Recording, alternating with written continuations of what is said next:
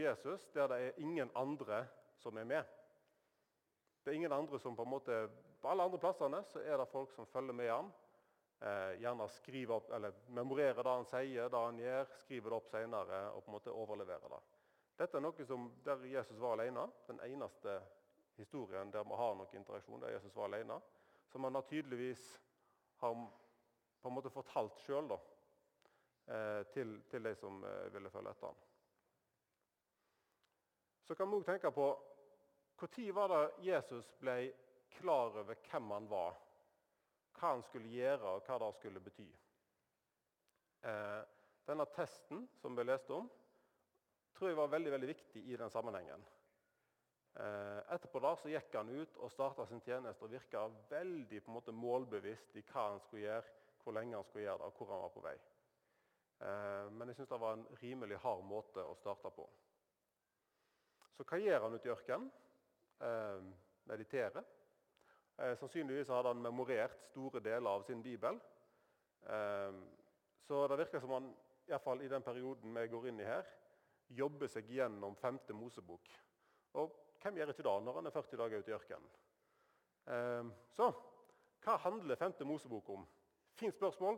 Bra du spurte.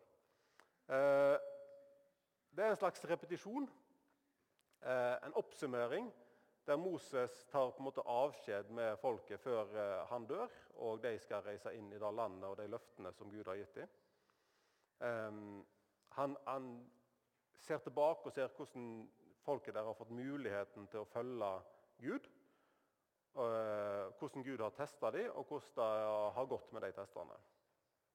Så La oss lese et lite utdrag fra en oppsummering som Moses gjerne reflekterer over hvordan Israel ble testa i dette. Kanskje litt smått, men vi prøver.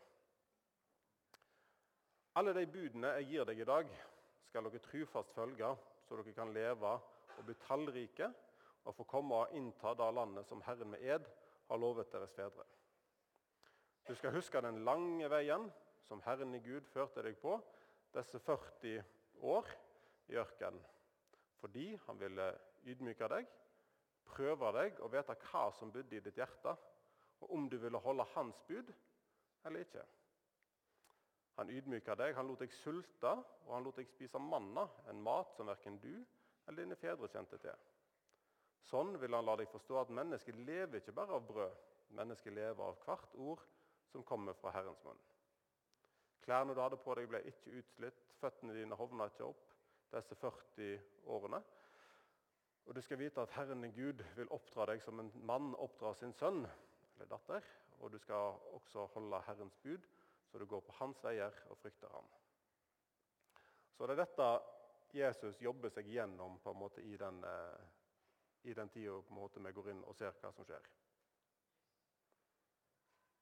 Um, og Da kommer det en, en serie med tre tester, utfordringer, anklager så la oss se på den første.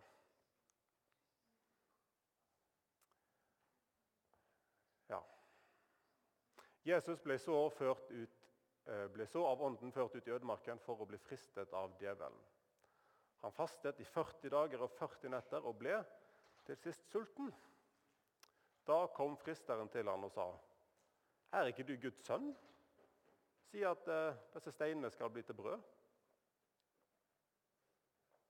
Hvis vi ser på avslutningen av forrige historie, der Jesus ble, ble døpt, så er det akkurat det som skjer. Det kommer en stemme fra Faderen som sier 'Dette er min sønn, den elskede'. Og Det virker som her utfordringen går på hva er identiteten din, Jesus, egentlig? Er du, er du Guds sønn? Er det det som blir påstått? Er det det du påstår? Ja, ok, men, men hvorfor er du her? 40 dager uten mat? Nei, jeg tror kanskje det er noen som har misforstått noe her.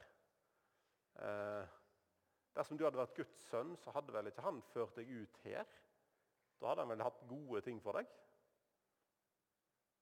Eller hvis du er Guds sønn, så har du vel makt til å gjøre noe med situasjonen?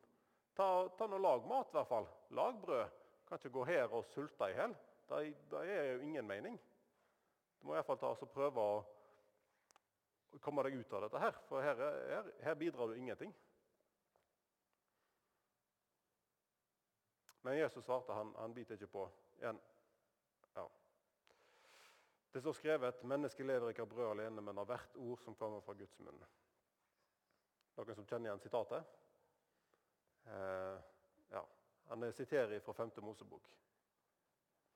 Og Her er det utrolig mange lag på lag med referanser og hva som ligger bak her. Eh, og Vi skal komme litt inn på de etter hvert. Men, eh, men ja, jeg, har, jeg, har, rett og slett ikke utdanning nok til å ta alle. Men, eh, men det er veldig, veldig mange lag som, som, ligger her. Men det vi ser, er at Jesus velger å stole på at Gud For det første så velger han å stole på at det er Gud som har ledet han ut i den situasjonen han er. Så velger han å stole på at Gud vet best i den situasjonen.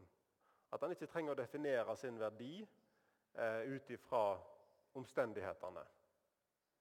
Så i motsetning til de som kom før han, og alle som har kommet etter han, så lever han såpass tett på, på, Guds, linje, på Guds vilje uten at han på en måte føler behov for å kreve sin rett eller, eller si at nei, dette her funker ikke lenger, dette her må vi gjøre noe med.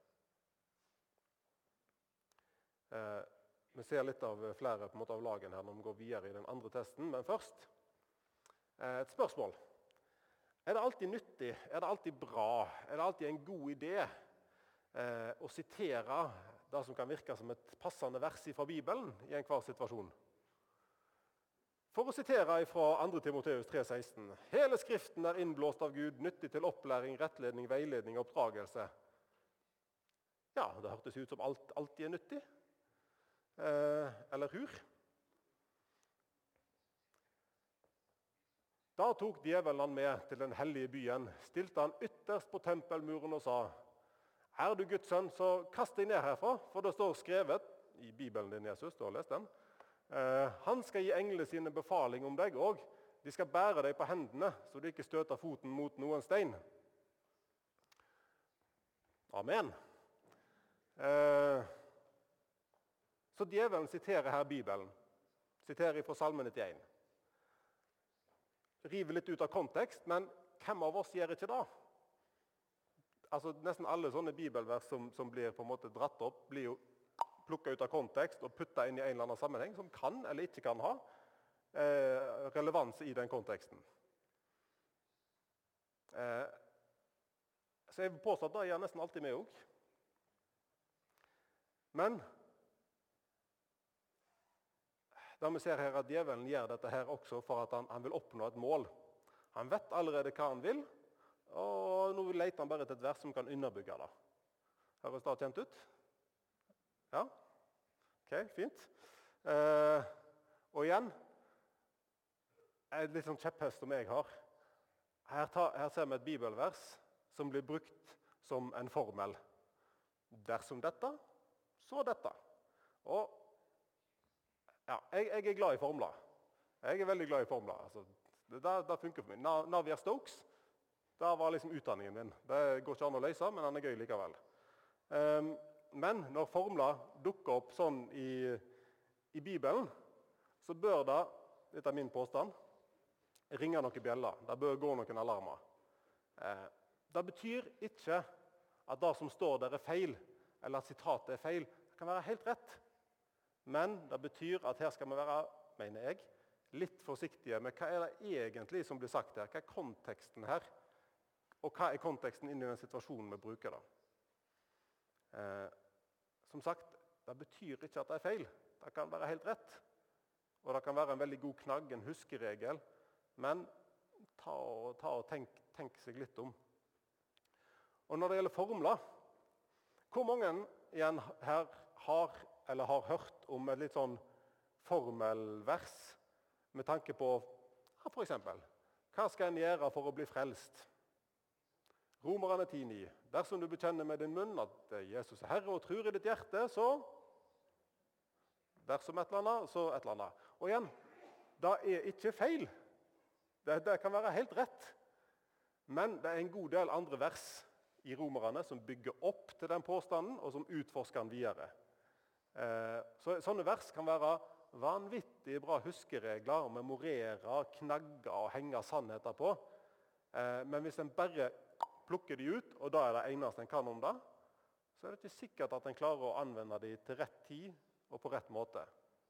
Igjen min påstand. Ehm, jeg tror ofte vi tar og forenkler komplekse relasjoner litt masse. Ehm, men hvis vi klarer å se det i kontekst og bruke det som huskeregler, kjempebra. Salme 91, som blir sitert eh, så, så fint og vakkert her oppe, eh, det handler om djup tillit til Gud i vanskelige situasjoner. Djevelen tar det ut av kontekst og gjør det til en formel. Noe som skal tvinge Gud til å handle. Eh, på en måte så er det en endring av sitatet, ikke i ordlyden, men i hensikten. Ifra der sitatet skal på en måte bety djup tillit og avhengighet, så blir det til en slags forsikring eller en beskyttelse. Eh, egentlig så er det et forsøk på en slags sånn manipulerende tilnærming òg, synes jeg. For djevelen utfordrer Jesus og skaper en situasjon som tvinger Gud til å handle, og der Jesus sjøl kan på en måte bli stilt i rampelyset. Der han får utføre noe overnaturlig, der det blir litt show. Der liksom fokuset havner på Jesus på en helt spesiell måte. Hvorfor, hvorfor, er de på en måte i et syn eller fysisk, eller hvordan du tolker dette her, så er de på, de er på taket av tempelet? Var det ingen andre stup i nærheten? Eh, hvorfor er de der?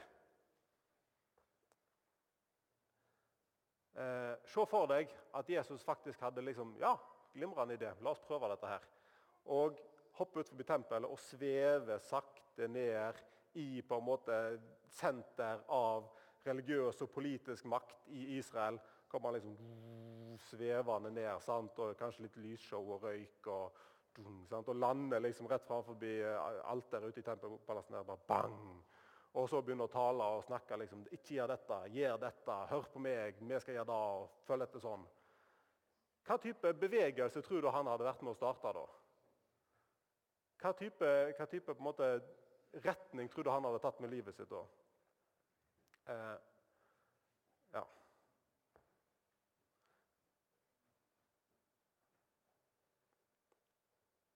Jesus svarer han, han går ikke på det. Der står skrevet du skal ikke sette Herren din Gud på prøve. Igjen med et sitat fra 5. Mosebok. Eh, en historie, Det er en sitat som egentlig henter fra en historie om når Israel hisser seg opp og vil ha resultat nå. De vil ha vann nå, de vil ikke være med på dette lenger. og De, de på en måte utviser ikke den tilliten til at Gud har tatt dem med der og vet hva som er godt. Um, ja. Så kan dere ja, Vet dere om en annen historie der et menneske som en representant for menneskeheten også blir testa med at det kommer noen og på en måte vrir litt på, på noe som Gud har sagt? Eh, som sier at ja, 'Har egentlig Gud sagt dette?' Eh, det står liksom på side tre i Bibelen. Så det er, det er en gammel, gammel og velkjent og utprøvd taktikk. Men Jesus beit ikke på. Han går videre. Du skal ikke sette Herren i Gud på prøve. Så tredje test. Eh, ny taktikk. Så tok djevelen han med seg opp på et meget høyt fjell og viste han alle verdens riker og deres herlighet, og sa alt dette, alt dette skal jeg gi deg om du bare faller ned og tilber meg. Først, før vi går videre. Har har dere tenkt over, har, har djevelen rett til å komme med denne, dette tilbudet? Er dette et reelt tilbud? Eh, for å spørre på en annen måte, Har vi grunn til å tro at djevelen ikke har makt og innflytelse over jordens herredømme, rike kongerike? Hva skjer når vi som mennesker tror at vårt samfunn, vår levemåte, vår rase, vår religion, vår et eller annet er overordna alt andre, alle andre, og det er vi som har svaret, og alle andre må høre på oss. Pleier det å gå bra? Pleier å gå sjokkerende dårlig. Eh, jeg tror det finnes på en måte, Du kan, du kan finne ondskap i enkeltpersoner og i meg og deg, men Bibelen virker som, som også sier at det er noe i det der med når mennesker kommer sammen og ønsker å opphøye seg sjøl, så er det en spesiell måte at ondskapen får muligheten til å påvirke og på en måte bryte oss ned og sette oss opp mot hverandre. Eh, I Lukas 4, som er på en måte samme historie, så er det også en liten detalj der, der, der sier djevelen at for til meg er det overgitt, altså alle rike og herredømme og makt osv., og, så videre, og jeg gir det til hvem jeg vil. Og Jesus sier ikke at liksom Nei, der, der tar du feil. Eh, og, og så videre. Men jeg syns det er interessant å bare tenke over. Mm. For meg så virker det som om, som om på en måte litt av selve fristelsen her er at, er at en, en, kommer til Jesus og sier er det ikke bedre at du tar makta over alt dette her? Se hvordan det går når på en måte menneskene styrer sjøl. Se hvordan det kommer til å gå. Du skal bli kalt kongenes konge. og hva, altså Hvis du bare tar makta og forteller hva som skal skje, det vil jo være bedre.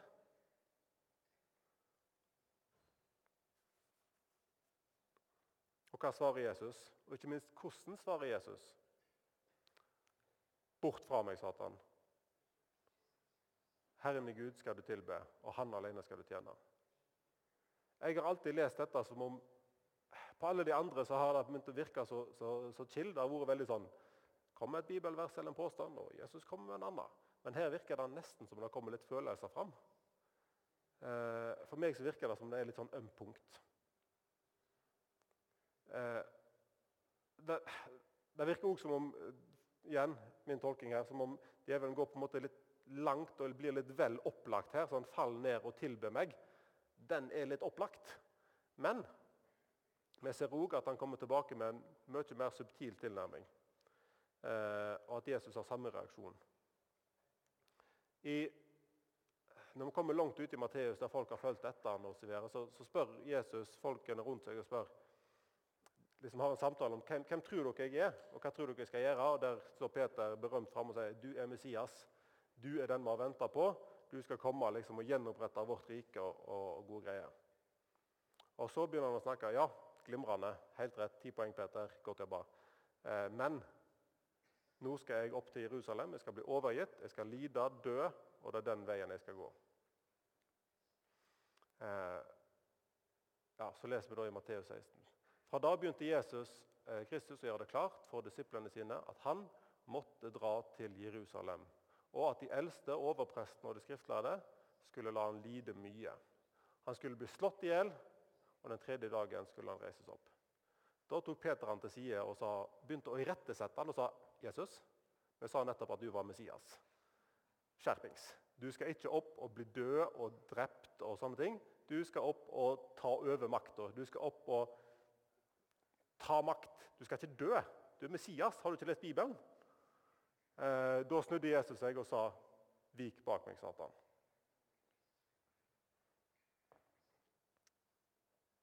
min spekulasjon, men det faktum at denne type test blir framheva to ganger på så vidt forskjellige måter, det synes jeg er veldig meningsfullt. Eh, når Jesus i tillegg, han, før han går inn i på en måte denne lidelsen og døden, nesten virker som han har et slags panikkanfall og ber om å slippe unna det hvis det finnes noen måte å slippe unna det på, så virker det som om at han var jeg vet ikke om det er rett å si at han var redd for det, men var, dette var noe som, som, var, som satt dypt inni ham. Så jeg tror denne tredje testen her, der, der, treffer, der treffer djevelen på noe som er noe som er djupt. Men Jesus står òg imot her. Som eneste menneske og som vår representant så klarer han å stå imot alle de tester og alle de måte prøvelser. Eh, og vise at hans indre, hans karakter, er sånn som mennesket var skapt for å være 100% i samsvar med Guds vilje. Eh, så Jesus har valgt her å være en helt annen type menneske enn andre. Med en revolusjonerende tillit til, til Faderen og til hans identitet, sin identitet gjennom på en måte hvem han er. Og med at han hele tida har fokus på å legge ned sitt liv for å løfte opp andre. Ikke bruke sitt liv for å løfte seg selv. Ikke bruke andre sitt liv for å løfte seg sjøl.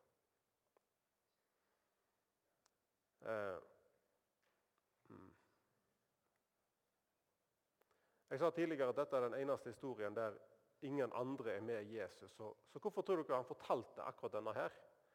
Eh, Jeg tror En av grunnene er at han forventer at vi òg skal gå gjennom ulike tester. At vi òg kommer til å bli utfordra av denne fristeren og høre de stemmene på forskjellige måter. Eh, de stemmene som, Jesus hørte, de utfordrer han på er du virkelig Guds sønn. Er du sikker på din identitet? Altså, Gud elsker deg ikke hvis han lar deg gå gjennom så vanskelige ting. Altså ting er de 40 dagene, men det som kommer seinere òg. Se på omstendighetene. De ikke, altså, det henger ikke sammen med identiteten din at du er Guds sønn. Um, og Hvordan skal du påvirke de rundt deg? Skal du, skal du ikke bare ta makt og fortelle hvordan det skal være? Du kan ikke leve med bare å løfte opp andre. Er du klar over hva det vil koste? Det er de stemmene som på en måte Jesus virker som han blir utfordra på. De, de anklagene. Og for oss, for deg, hva hvordan kommer de stemmene til oss? Tror du virkelig at Gud bryr seg om deg? Du er klar over at alt dette her vi holder på med her, bare er overtru og psykologi og et ønske om en større virkelighet? Er du virkelig Guds sønn? Kaller du deg Guds datter? Se på livet ditt, se på valgene dine, se på konsekvensene. Tror du virkelig Jesus vil tilgi deg igjen? Og Dersom du bare sier dette og gjør litt dette, så kan du få folk til å tro at du er litt mer viktig og klatre litt opp på den sosiale stigen selv om det går litt utover andre. Kjenner du igjen de stemmene og de anklagene? Jeg vet at jeg kjenner igjen mange av dem, og jeg er sikker på at mange jeg en gang ikke er klar over at jeg hører på. Og Det viktige da er vet du hva du svarer. Ser du hva Jesus svarer, og hvordan han svarer? Jeg tror at måten å på en måte kontra dette er at du svarer med sannhet. Du leter etter den sannheten om deg sjøl og om Jesus som står i Bibelen. Og ikke nødvendigvis bare enkeltvers, som vi var inne på. Men de kan være veldig viktige nøkler og knagger på en måte å henge sånne hele sannheter på. Eh, sannheten er at Jesus har seira over det onde, og at de anklagene de definerer deg ikke. Det er Jesus og hva han gjorde for deg, som definerer din verdi. Og Dette er utrolig vanskelig. Det er ikke lett, i hvert fall for meg, å tro. Og det er enda vanskeligere for meg å gi enkle svar til andre som kanskje har den type anklager inn i livet sitt. Jeg tror ikke det er en fasit eller formel eller liksom ett vers som løser ett problem. Men, men, jeg tror det handler om å søke sannheten om seg sjøl, sånn som det står, blir åpenbart gjennom Jesus og sakte, men sikkert bytte ut sannhet, bytte ut løgn med sannhet, og bli litt og litt mer og mer fulgt av Jesus og Jesus sine valg. Det er forbedere her nå etterpå, og jeg vil oppfordre alle sammen til å ta til å kjenne litt etter. Hva er, hva er disse her anklagene, løgnene, tankene, stemmene som vi hører på? Og ta det opp med dem. Ta det opp med andre i mindre grupper. Eh, forskjellige settinger, Men ta det opp med andre og snakk om det. og snakk Hva er anklagen, og hva er sannheten her egentlig? Så ikke la stemmene til anklageren, til djevelen, få makt i livet ditt, men finn de, og prøv å bytte de ut med det som er sannhet.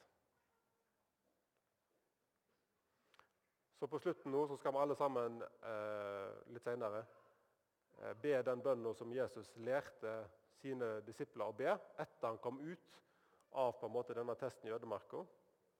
Og slutten der La oss ikke komme inn i fristelse, men frels oss fra det vonde. Jeg har lyst til at Hver gang dere ber den, tenker den, ser den, så tenker dere på dette her med hva er de anklagerne, og hva er sannhetene. Takk for meg.